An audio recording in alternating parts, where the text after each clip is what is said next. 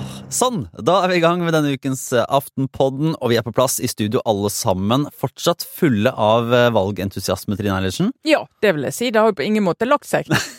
altså, da var det fortsatt Det er sånn uh, Det er så mye rart som skjer. Det, Ja. det, er, som, det er det beste med kommunevalg. Da kan alt skje. Ja, for her er det 100 variabler. Kjetil Astheim, hvor er ditt hode nå?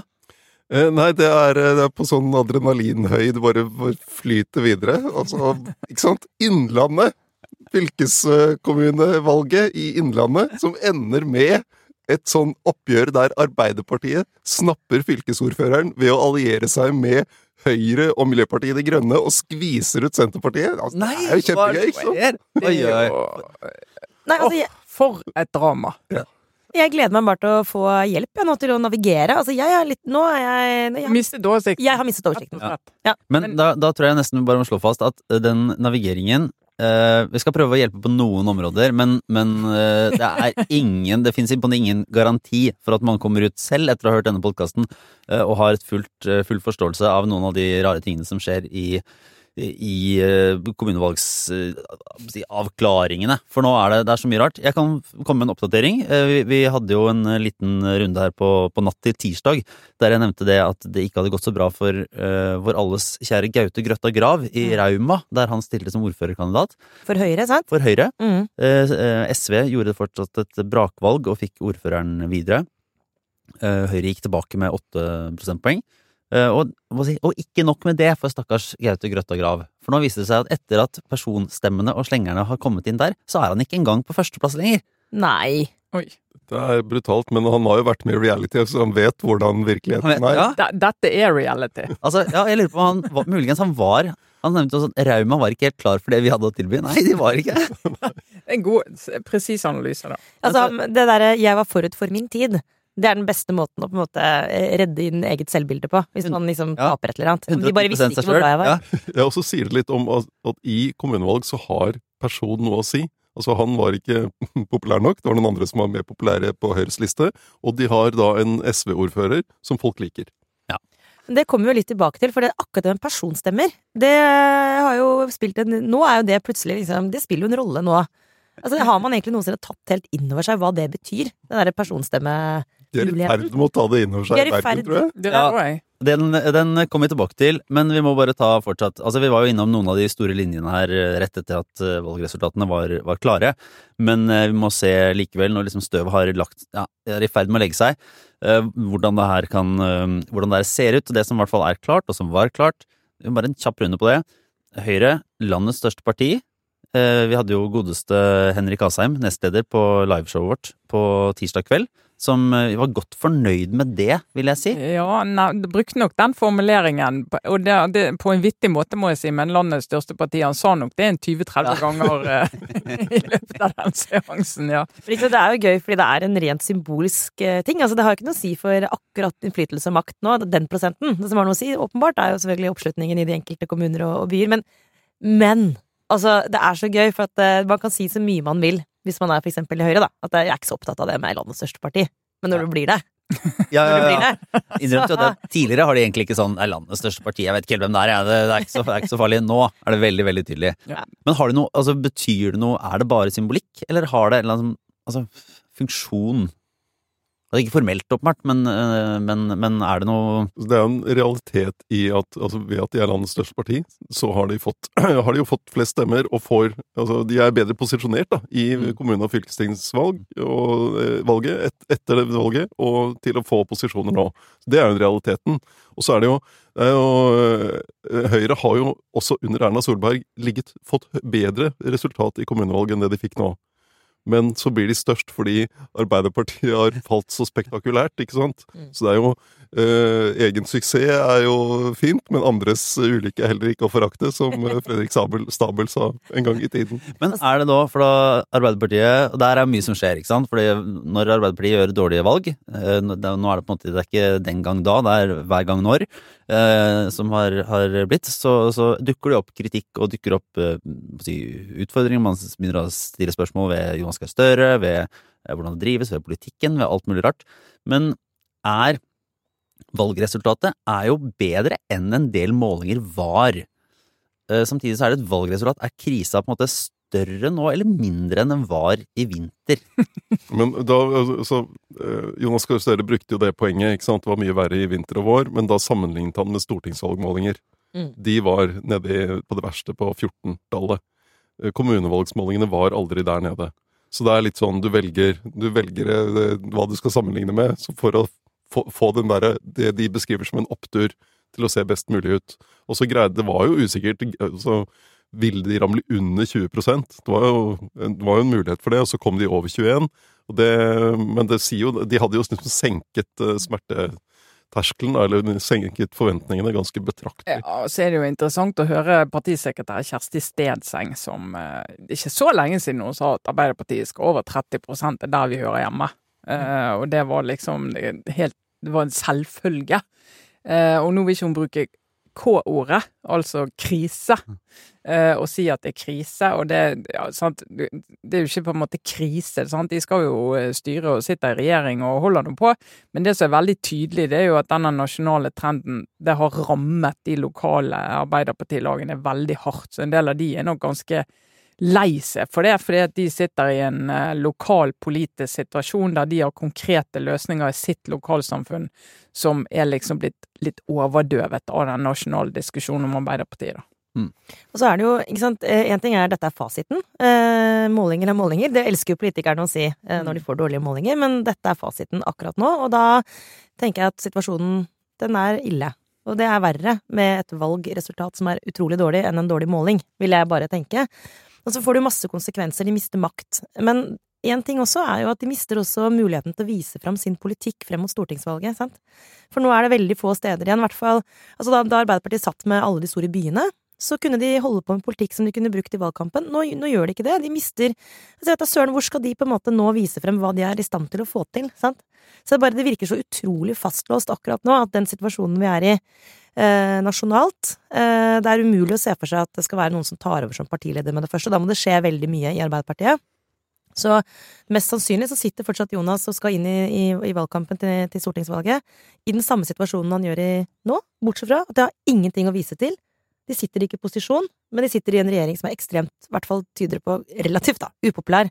Det, Det, er så vanskelig å se for seg at det skal være noe dynamikk her. Altså, hvordan skal de komme ut av det? Men de kan håpe på at de kan vise til sånn, der de borgerlige har tatt over, og så er det et eller annet uh, helsehus eller et uh, gamlehjem der det ikke er helt tipp topp. Ja, ikke sant? Borgerlig kaos. Ja, det, det må være altså, Men det der tenker jeg sånn Hadde jeg sittet og skulle liksom utmeisle nå eh, strategien for de neste to årene for Arbeiderpartiet, så lurt på sånn Hva er verktøykassa nå? Mm. Det, skjønner jeg. Altså, hvor skal de gå? Hva skal de gjøre? Hvordan skal de få vise seg frem? Eller sitter de nå bare sånn deterministisk og tenker at det er 100 sikkert at vi taper det Nå skal du ha en ny sånn runde med De kaller det vel ikke havarikommisjon, men skal gå gjennom og se hva som har gått galt. Det har du jo hatt muligheten til å gjøre et par-tre ganger før. Men, eh, men så er det jo også spennende å se på de liksom, reaksjonene som kommer da når Arbeiderpartiet gjør det dårlig. Så er det jo eh, en del altså Dukker det opp ordførere her og der ikke sant, som begynner å stille spørsmål ved Støre, begynner å se på eh, personer, opp litt sånn konflikt. Eh, men det var jo også et par ordførere mm. nå som kom, altså som jeg tenkte at nå begynte det å svinge litt. Det er kanskje ikke så mye på personen, men, men på det politiske prosjektet. Ja. Da altså, altså Robin Koss, som har vært ordfører i Porsgrunn, Mm. og Hedda Foss Five, I, Som i, i Skien? ja. som, eh, som gikk ut med liksom, ikke et sånn angrep på Støre som sådan, men et ganske liksom, klokkeklart angrep på regjeringens eh, politikk. Ja, altså begge de eh, har jo opplever jo at de har mistet posisjonen etter valget her, eh, og at Arbeiderpartiet har gjort det historisk dårlig i en region som de egentlig eier, altså en Grenland, eh, industriregionen eh, på, rundt Oslofjorden. Eh, Og de går jo veldig på helt konkrete politiske saker, og det er litt mer interessant å høre enn alle de som vi må skifte ledelse, vi må skifte ledelse, for så lenge det politiske prosjektet er det samme, så du kan sikkert ha en litt eh, mer gøyal eller karismatisk eller hva det måtte være leder eh, for det prosjektet, men jeg tror ikke det vil, vil bety så mye. Og det de er opptatt av, er jo blant annet det samarbeidet med Senterpartiet, i hva grad det har vært riktig for Arbeiderpartiet i den situasjonen som landet har vært i de siste to årene, og peker på at de seirene til Senterpartiet de, eh, de gjør at en del Arbeiderparti-velgere lurer på om regjeringen har fokus på det han burde ha fokus på. Altså, du kan jo diskutere hvor mye tid regjeringen bruker på forskjellige tingene, men oppfattet fra de, da, er at velgerne ser at regjeringen jobber med å oppløse kommuner. Eh, de jobber med å senke prisen på en barnehageplass, men de skiller mellom byene og distriktene, så du får mye billigere barnehager i distriktene. Og fordi at det er Senterpartiet opptatt av, mens de vil jo si at det er jo ikke noe lettere å bo i Porsgrunn by enn det er i Seljord kommune. Eh, de har like dårlig økonomi alle sammen, og alle opplever renteoppgangen, alle opplever inflasjonen. Så greit at Senterpartiet får den seieren, men etterlatt inntrykk at Arbeiderpartiet ikke helt skjønner hva våre velgere er opptatt av, og selvfølgelig på industri- og energiområdet. Da mener de også at det er for, for dårlig fokus, da. Og det svir nok mer. Mm. Eh, og jeg har jo tenkt, altså, tenker jo litt det der at hvis du er en bedrift, da, som jeg av og til liker å sammenligne med, og det er veldig stor forskjell på det, men hvis du lager en strategi som du kanskje kan si at en regjeringsplattform er, og så forandrer verden seg fullstendig. Sånn at listen over problemer du skal løse er noe helt annet enn det du trodde da den strategien ble lagt. Så legger du en ny strategi. Altså, Da må du endre på den strategien. Du kan ikke holde ved en strategi som skulle løse en liste av problemer som ikke lenger er det viktigste. da. Og jeg tror det er det, og det gjør jo ikke en regjering. De sitter jo med denne regjeringsplattformen og sier ja, men vi sa på Hurdal høsten 2020 at vi skulle gjøre sånn og vi skulle gjøre sånn. 2021 var det vel. Ja. Mm. Eh, og så er det bare at for velgerne de er et annet sted. For de har andre problemer som er viktige for de nå. Og hvis du ikke klarer å tilpasse deg det i prioriteringene dine, men liksom henter opp denne gamle regjeringsplattformen og sier vi har lovet å, at de kommunene skal få bestemme selv, og domstol og ditt og datt, så tror jeg en del bare tenker men hallo, er det mm. det dere skal bruke energien på, da? Og det, det som altså Det er jo interessant også for Senterpartiet, eller viktig også for Senterpartiet. ikke mm. sant? De, den På valgkvelden så var det først Sandra Borch som ble sendt ut for å kommentere de første tallene. Og da sa hun at ja, vi har måttet håndtere et krise etter krise, og så har vi ikke fått frem alle de andre tingene vi har gjort. Men hvis, du, hvis Senterpartiet tror at velgerne ville vært liksom At det var oppløsningen av Viken fylkeskommune som skulle skape entusiasme blant velgerne i den situasjonen landet er i nå. Mm så har de jo Da, da skjønner de ikke da, da skjønner de jo ikke hva, hvor velgerne er hen, og hva de er opptatt av. Så det er jo eh, det er jo sånn, eh, et behov også i Senterpartiet for å ta den diskusjonen. Er det virkelig nå å drive og, og, og terge eh, Kristiansand og store deler av Kommune-Norge med å prøve å tvinge fram en oppløsning av den kommunen? Press gjennom en, fylkes, eh, en folkeavstemning i Søgne og Sogndalen som Kristiansand bystyre har sagt at de ikke vil ha. Er det det de skal bruke ressurser på, eller skal de, skal de være opptatt av å være nær folk, som Trygve Slagsvold Vedum sier? Men, men, her, er vel, her velger vel dere tilfeldigvis saker som hva skal jeg si, Det er deres strategi på øh, øh, domstolsreformen og, og, kommunereversering har vel ikke endret seg voldsomt? Nei, nei, er, Plukker dere opp en kjepphest nå, eller nei, er det ja, altså, er dette... hvis, hvis, du ser det fra sånn Arbeiderparti-velgerståsted, ja. så, så tror jeg det stemmer. Men for en del Senterparti-velgere, det du ser som kommer Senterpartiet, så har det vært lett å si det at ja, men nå er de bare på det normale nivået. Sant? De er der de har vært. Sånn er Kjernen til Senterpartiet de er fremdeles fornøyde, og en del av de vil kanskje si at ja, nei, det er klart de skal gjennomføre kommuneoppløsning. De lovet jo det. og uh, sånn at de, Jeg tror ikke de taper så mye i kjernen, men de har tapt alle de nye velgerne de klarte å få i den perioden de satt i opposisjon, mm. og prøvde å, liksom, å være utfordrende til regjeringen. Så de er jo vekke, for det har jo vært villedende reklame. sant? De har ikke fått de forandringene som Senterpartiet lovet at de skulle få, som kanskje ikke egentlig handler om den konkrete kommuneoppløsningen, men at de skulle bare ha noe annet. De skulle ha noe bedre, de skulle ha noe nærere, de skulle ha noe liksom Vekk med elitene som ikke forstår oss, og så har de gått et annet sted. sant? Ironisk nok så har jo den regjeringens politikk kanskje vært oppfattet som nettopp ikke nær, da. Fordi den har handlet om andre ting, som du var inne på, enn det som har vært liksom akutt eh, for mange mennesker. Så liksom det absurde i å snakke om at det skal være en lensmann i, på, i alle småbyer, når folk opplever at ok, jeg har ikke penger til å betale husleia. Det, den, den distansen der. Vi skal gjette at for mange av oss har slått inn som en sånn Da blir det også ganske hult når Vedum snakker om liksom nærere folk, da. Eller hva det er han sier. Så, altså hvis du da har en, en, del folk i Arbeiderpartiet som, vil, som mener at uh, vi har gitt for mye til Senterpartiet, og så har du mange i Senterpartiet som mener at Senterpartiet har gitt for mye til Arbeiderpartiet på altså strømpolitikk i forhold til EU-samarbeid og sånne ting, mm. så er jo altså da, da, da, dras de jo fra hverandre. Og hvordan de, de skal prøve å holde dette prosjektet sammen, som de nesten er nødt til i to år til. Ja, er de det? Tror dere Altså, er det liksom For hvis man, hvis man, skal tenke tilbake til det med er, hvilke verktøy har de, da? Altså, hvordan kan de prøve å endre? Det virker veldig fastlåst. Altså, Erna Solberg virker jo ganske trygg på at hun er statsminister om to år. Det vil jeg si. Men liksom, hvis, hvis de skal få en ny dynamikk, er det det i så fall? Altså, er, er, kommer regjeringsprosjektet til å på ekte bli vurdert? Tror dere det? Altså, Kan Arbeiderpartiet vurdere som at det syns- eneste muligheten vi har, er å, å slå opp med Senterpartiet? Altså, i, I Norge har vi jo ikke nye valg. Vi har liksom ikke at vi kan bare resette Stortinget imellom eh, Ja, men de kan jo, hvis de vil finne en sak, altså hvis Ja, de virkelig vil, så klarer de det. De kan finne en sak, og Ja. Gjorde jo det. Eh, De fant en sak, gikk ut på den, og da sitter jo sånn som oss alltid og sier at det, det vil de ikke gjøre, for da vil de signalisere at du kan ikke stole på de eh, som en partner i et regjeringssamarbeid, og du, du, du gir fra deg ansvar, eh, og på den måten signaliserer at du ikke er villig til å ta ansvar. sant? Og det vil jo jeg tenke er logikken her òg, men Vedum har jo sagt veldig tydelig, det var jo hans hovedbudskap det på valget kveld, at vi er et parti som tar ansvar. Mm. Hvis han plutselig om et år sier at nei, nå var det et eller annet som var litt kilt for oss politisk, så nå kan vi ikke ta ansvar. Eh, Landet liksom Europa er i krig. Eh, Vi strever med å få alt til å henge sammen økonomisk i Norge. Støre, lykke til. Ta resten aleine. Jeg tror vi kan være ganske sikre på at SV ikke går inn i regjering. Både fordi eh, det ser ikke så fristende ut for SV, og eh, Senterpartiet vil fortsatt ikke ha dem med. Og så er det noe med de, det det er nettopp fordi du ikke kan ha nyvalg, og det mener jeg er en god ting. Fordi det tvinger partiene til å Mm. finne løsninger, og ikke bare overlate problemet til velgerne hver gang de ikke greier å, å strekke seg.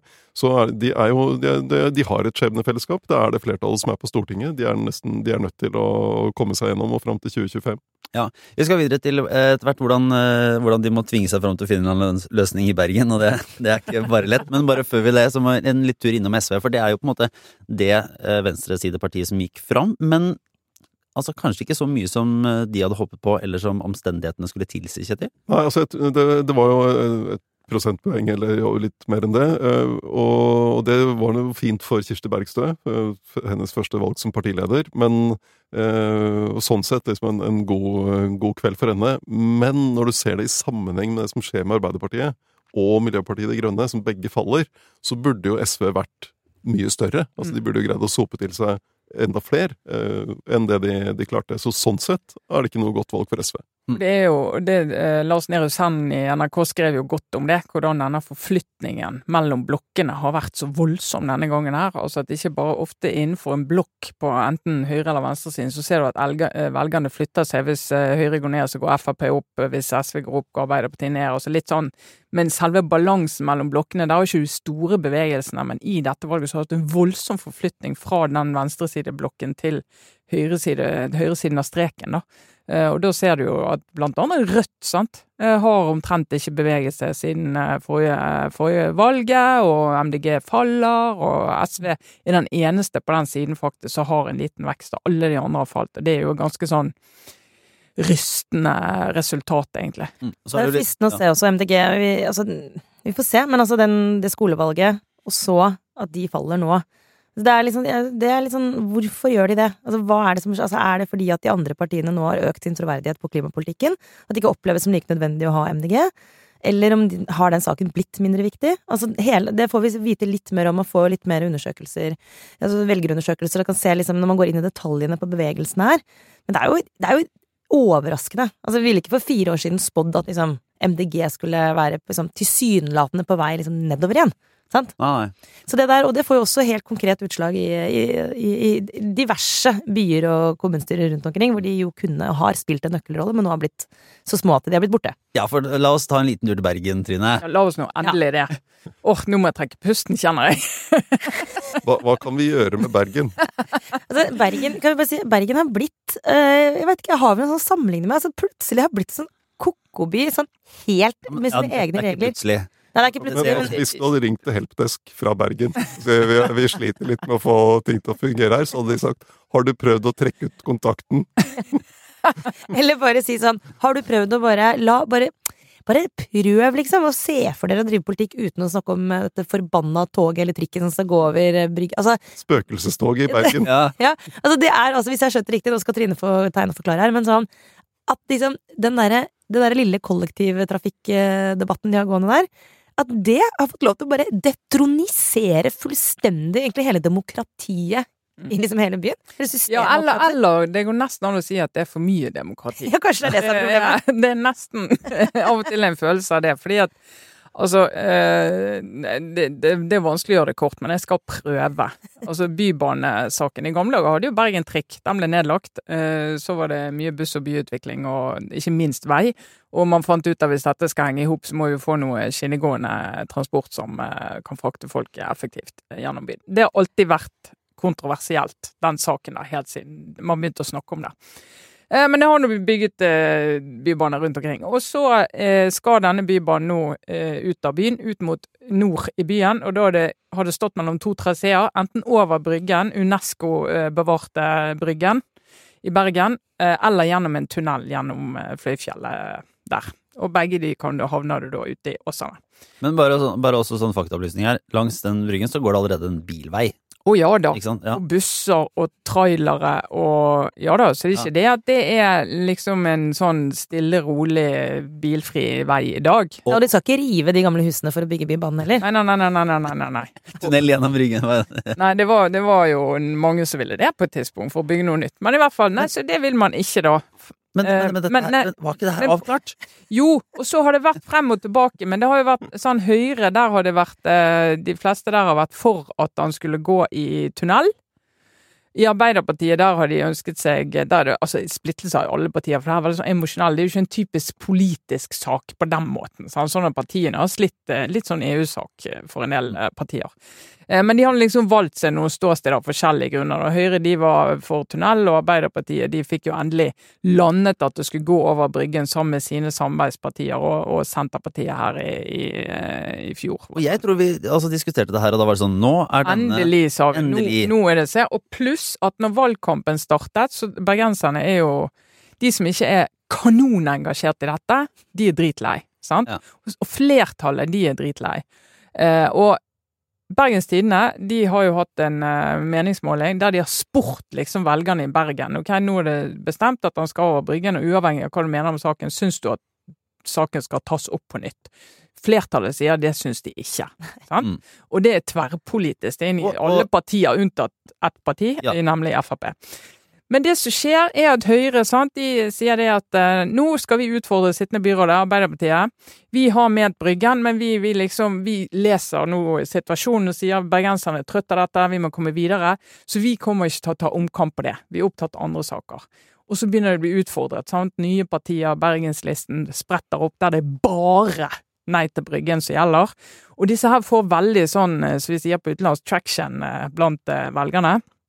Og det skjer mye mobilisering for å få endret dette vedtaket, og Høyre merker at liksom, ok, de mister eh, oppslutning av det, men står i det da, og sier det at nei, nå vi skal jobbe med andre ting, og prøver å holde oppe en valgkamp på det. Så kommer valgdagen, og så ser du det at det er fullstendig fragmentert, det politiske bildet, og disse her anti eh, Bryggen-trasépartiene har jo fått en vekst, men det er jo fremdeles sånn at i velgerne det er flertall for nå må vi gå videre, men fordi at du kan ikke få et styringsdyktig politisk flertall nå uten å på en eller annen måte ta hensyn til disse, så er situasjonen helt ikke, er låst. ikke Kristine Meyer, altså eh, tidligere eh, SSB-sjef, Mm. eh, altså en sånn klassisk liksom gitt, inntrykk av å være en sånn tenkende politiker, og på en Mm. måte har vært en sånn rasjonalitets... Altså sånn Hvis du har styrt Styring. SSB, så er du ganske sånn ryddig på sånn. Ja, la, oss, la oss sjekke om vi har litt sånn data her til å underbygge det. Altså, vi Ja. virker jo ikke slumsete og følelsesstyrt. liksom- Nei. Uten at jeg egentlig kjenner henne veldig godt som kandidat, så ville jeg tenkt sånn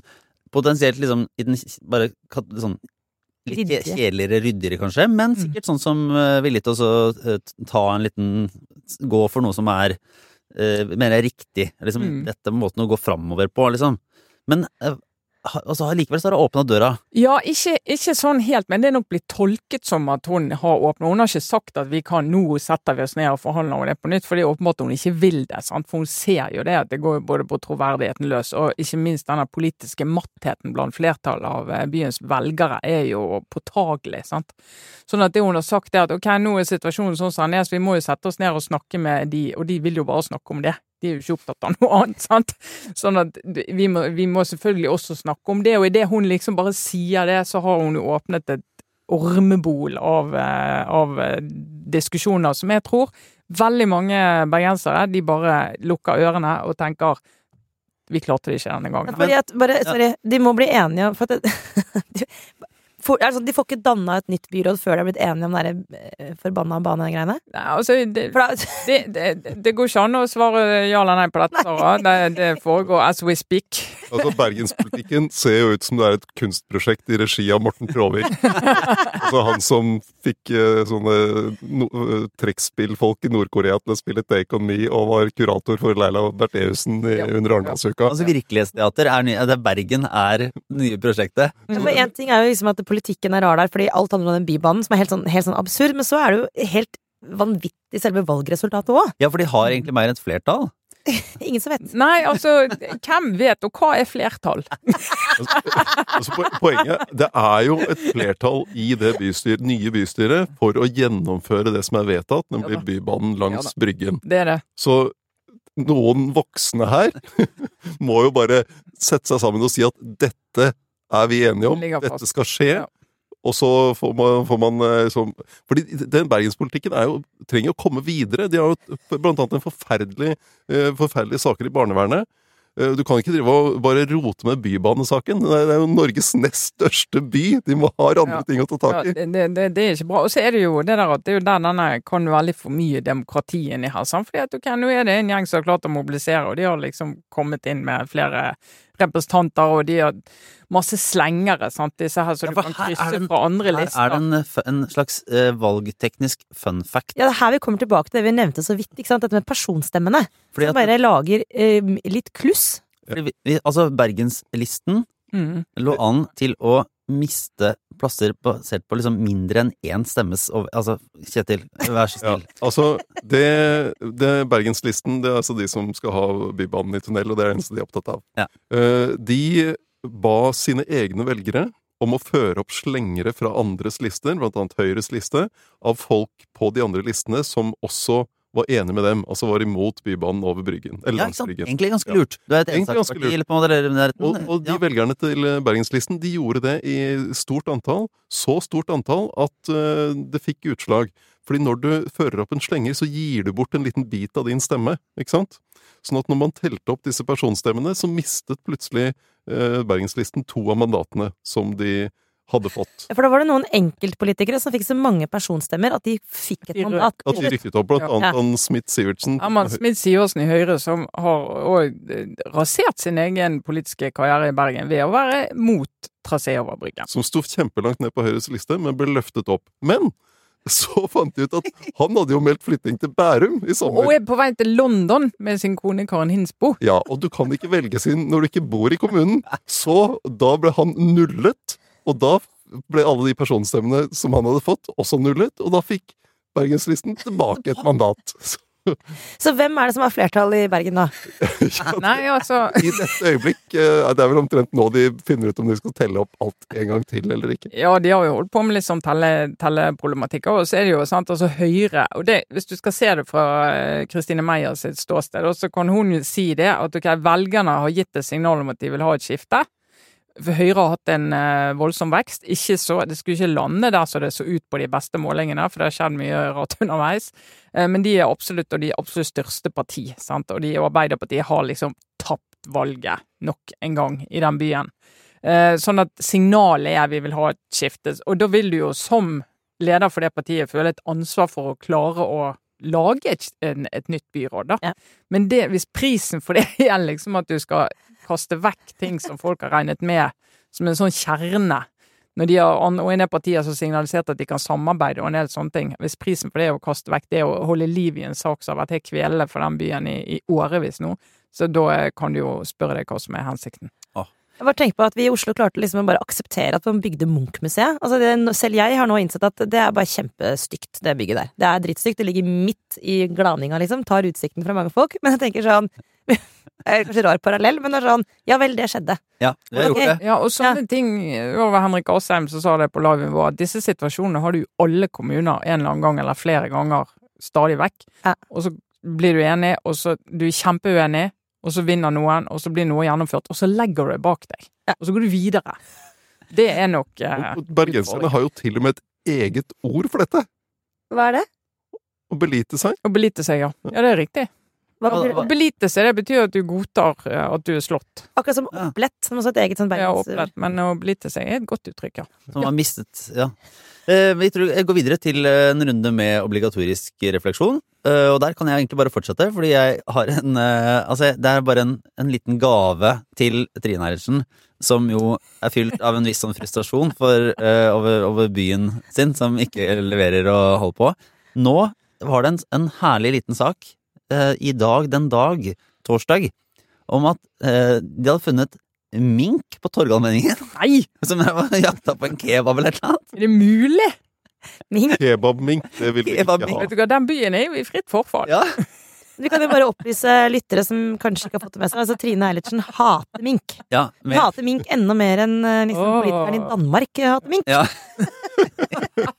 Hun hadde lett fyrt opp en sånn ovn. Selv, selv Mette Fredriksen blir en sånn minkelsker. Ja. Eh, målt mot Trines eh, virkelig intense motvilje mot mink. Eh, så det, dette er jo ille. Det hører jo ikke hjemme i Bergen. Nei, du hører ikke hjemme i Norge. Jeg skal ikke engang begynne å res resonnere rundt det. Så det var, det var det egentlig bare den ene. Så det, så du kan bare ta det med deg når du først øh, okker deg over, over eh, byen din.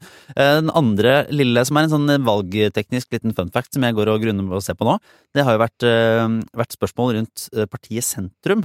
Ikke sant? Som gjorde et Du var jo litt sånn optimistisk med tanke på de. Ja! Og, og, og uh... Visste at du også blind høne og så videre? For ja. så fikk du rett, Lars. Fordi der, uh, der er det jo nå et potensielt drama. Det er ikke avklart. Det er mulig at det, at det kommer nå i torsdag ettermiddag, kanskje.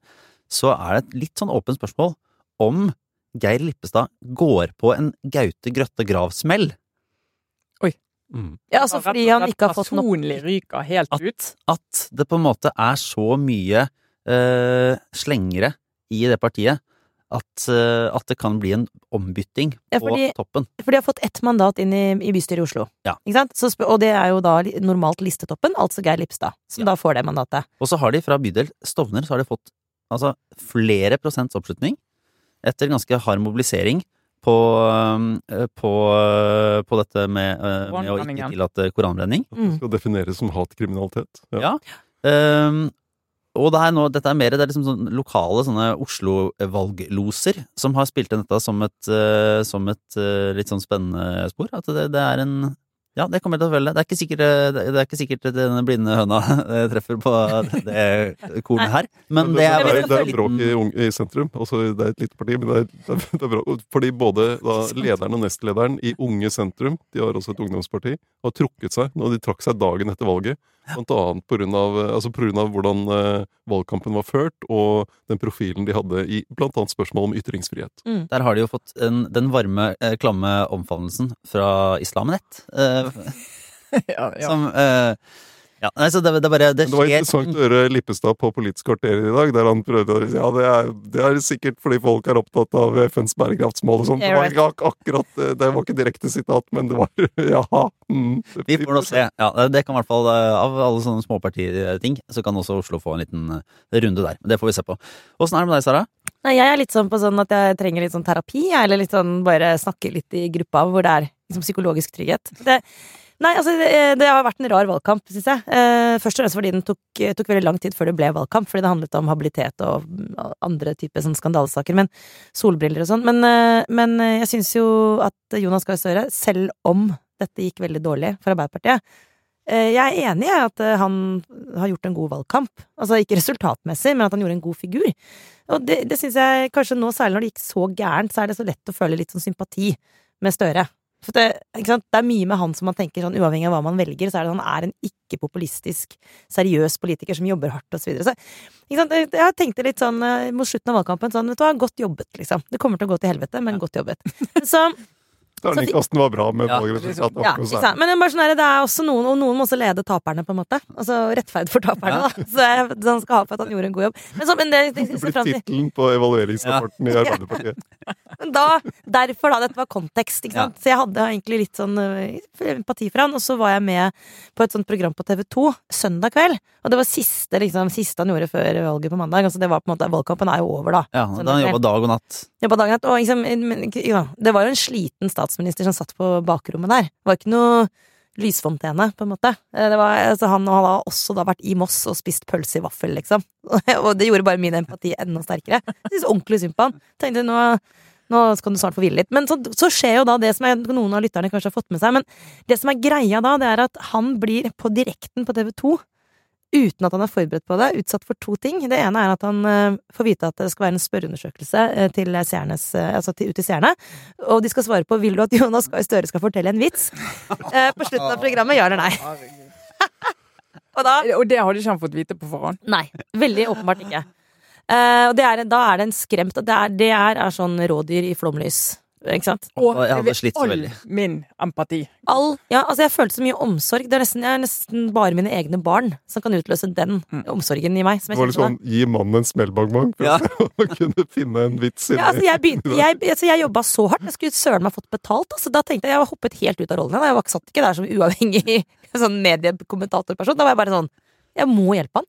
Altså alt, bare Hver celle i kroppen min skrek jeg må hjelpe han. Dette er så jævlig. Og så, for å gjøre det enda verre, så fikk han da presentert til inspirasjon fra programleder Lindvik en eh, rett og slett en god gammel grovis. Eh, rett og slett, på direkten, om Erna Solberg og hennes mann. Jeg orker ikke å Dette orker jeg ikke. Det, Altså, det, jeg vil ikke anbefale å Google Lindvik Grovis eh, Jonas Gahr Støre, men hvis dere nå, absolutt nå må, så vær så god. Altså, Men dere er- kommer ikke på til å Ja, så det der, og da tenker jeg, altså, hvor er, hvor er dere, liksom? For jeg, da kjente jeg sånn, er du, når du er statsminister, må du bare godta liksom dette? Er det sånn, sorry, dette er sånn, dette er prisen å betale, liksom, det er prisen for poppen, du må ta hva som helst. Fordi, kan du bare også si at han hadde jo ingen vits.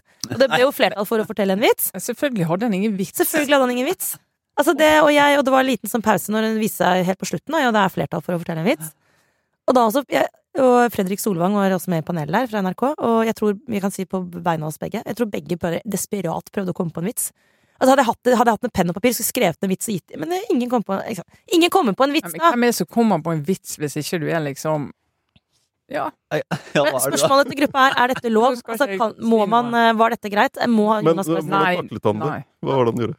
Nei, altså, jeg, han, jeg ble imponert over at han klarte, han klarte å svare. Han sa eh, det var 47-53 ja og nei til vits.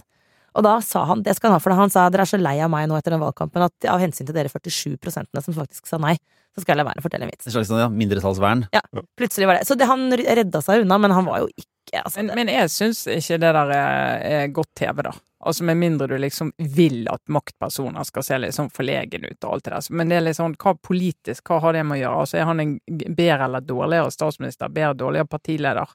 Eh, Hvis han sitter der som de aller fleste som ikke kan fortelle en vits på, på oppfordring? Nei. Nei. Jeg syns jeg, jeg synes det er uverdig. Men ja, ja samtidig, altså, jeg, jeg syns jo egentlig også det. Men det er jo øh, Det gir jo litt dynamikk, da.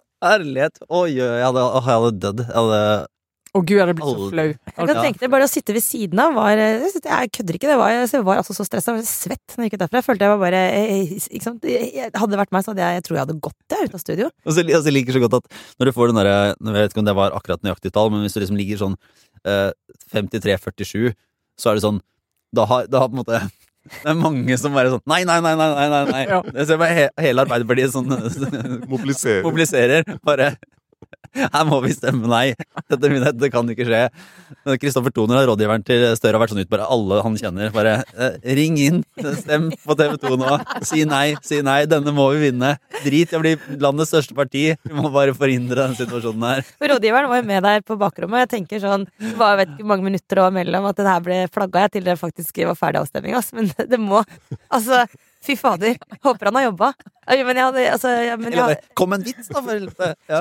Det sånn, det, det er alltid, alltid prepper, også sånne politikere, de preppes og preppes på alt mulig når de skal inn i, inn i TV-debatter og sånn. Og, sånn, og i tilfelle du trenger en grovis, her, her har du den, den, den glemte de, da. Så det, er, det er sånn spinndoktorfaglig svakt, kan vi si. Ja, ja, ja, tenk, ja, der, skyld for det okay. Oi, akkurat det altså, er mye jeg synes man kan kritisere Jonas Gahr Støre for, men akkurat der det vil bare flagge min fulle sympati.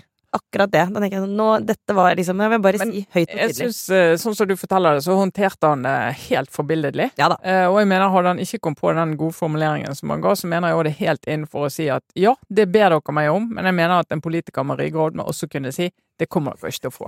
Ja, altså, det verste var jo hvis han hadde prøvd på noe dårlig Ja, det går jo ikke, sant. Så du må Altså, jo bare droppe det. ja, ja, det her kan vi bare si. Vi, kan, eh, det, vi var innom dette også på, på liveshowet, men hvordan du av og til håndterer sånne situasjoner. Denne Olav Bollestad, eh, som drev og tvang alle disse partilederne til å synge Tore Tang foran publikum i Stavanger. Ja. Det viser seg, jeg så nøye på dette klippet, helt på slutten, nesten ingen som har fått det med seg. Hvor er Sylvi Listhaug? Hun Queen, tok bare si. et lite skritt ut av kameraet, ut til siden, lot alle de andre stå der og slite med hvordan de skulle løse det. Eh, på slutten går eh, rolig Og ubesudlet. ubesudlet.